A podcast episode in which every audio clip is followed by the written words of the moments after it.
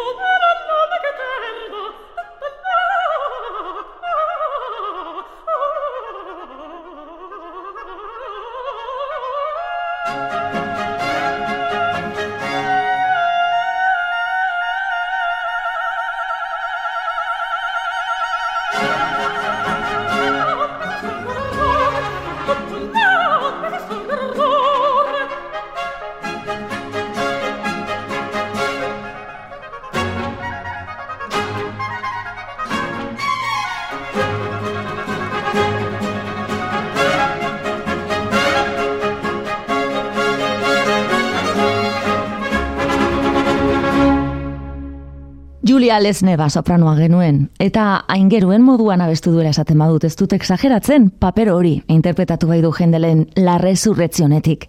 Lucifer, de Abrua, San Juan eta gurutzearen aurrean egon ziren bi Mariak dira beste personaiak. Dizerrate bi oporte da berno entzun dugu jendelen oratoriotik. Eta orain, kristoren garaietatik aita donostiaren denborara salto eginez, Maritxu norazoa zekarriko digu gogora Ricardo Requejo piano joleak. Gozatu!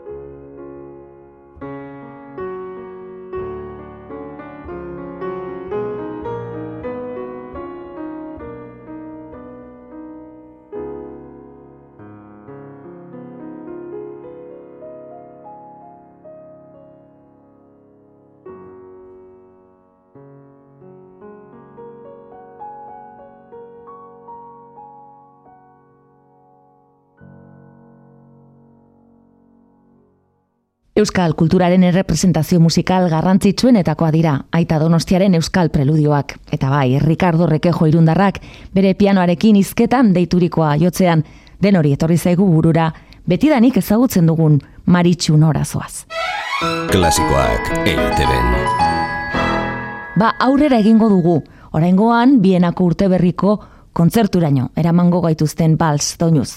Gozen, aus dem Süden.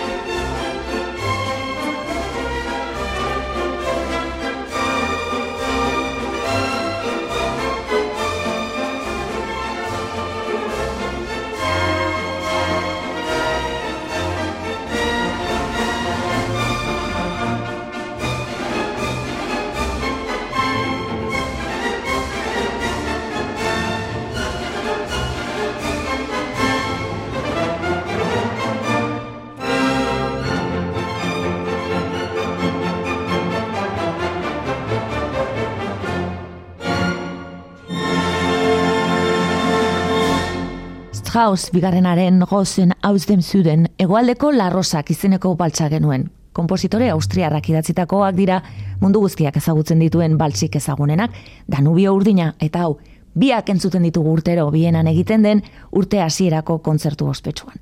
Eta gaur, Austriako Johann Strauss orkestra gidatzen maixukiaritu dena Willy Poskowski zena genuen, Austriarra baita ere. Eta ipatzekoa da Bienako Orkestra Filarmonikoaren urte hasierako emanaldira itzuliz, mila bederatzireunda berrogeita amabostetik, irurogeita emeretzira, Boskowskiren batutapean aritu zirela Filarmonikaren musikariak. Baina handik aurrera, hogeita bost urte ondoren oiturak aldatuz, ardura hori banatzea erabakizela. Eta laurogeiko amarkadatik ona zuzendaria aldatzen doa urtero. Klasikoak eite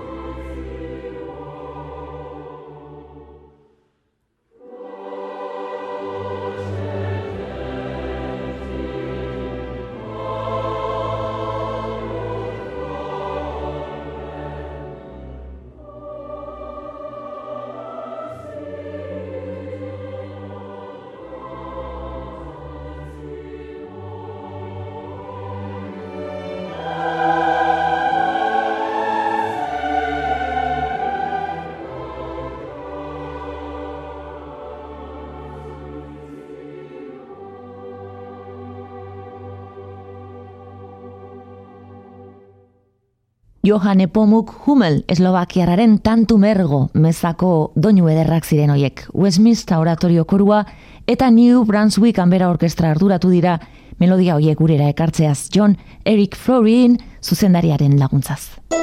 Klasikoak EITB Gitarra doinuak izango ditugu orain protagonista eta placer bat izango da Francisco Tarregaren Gran Vals delako entzutea Fernando Espiren interpretazioan. Eta batek baino gehiago gogoratuko du segurazki telefonia etxe ezagun batek bere deien tonu moduan erabili baitzuen.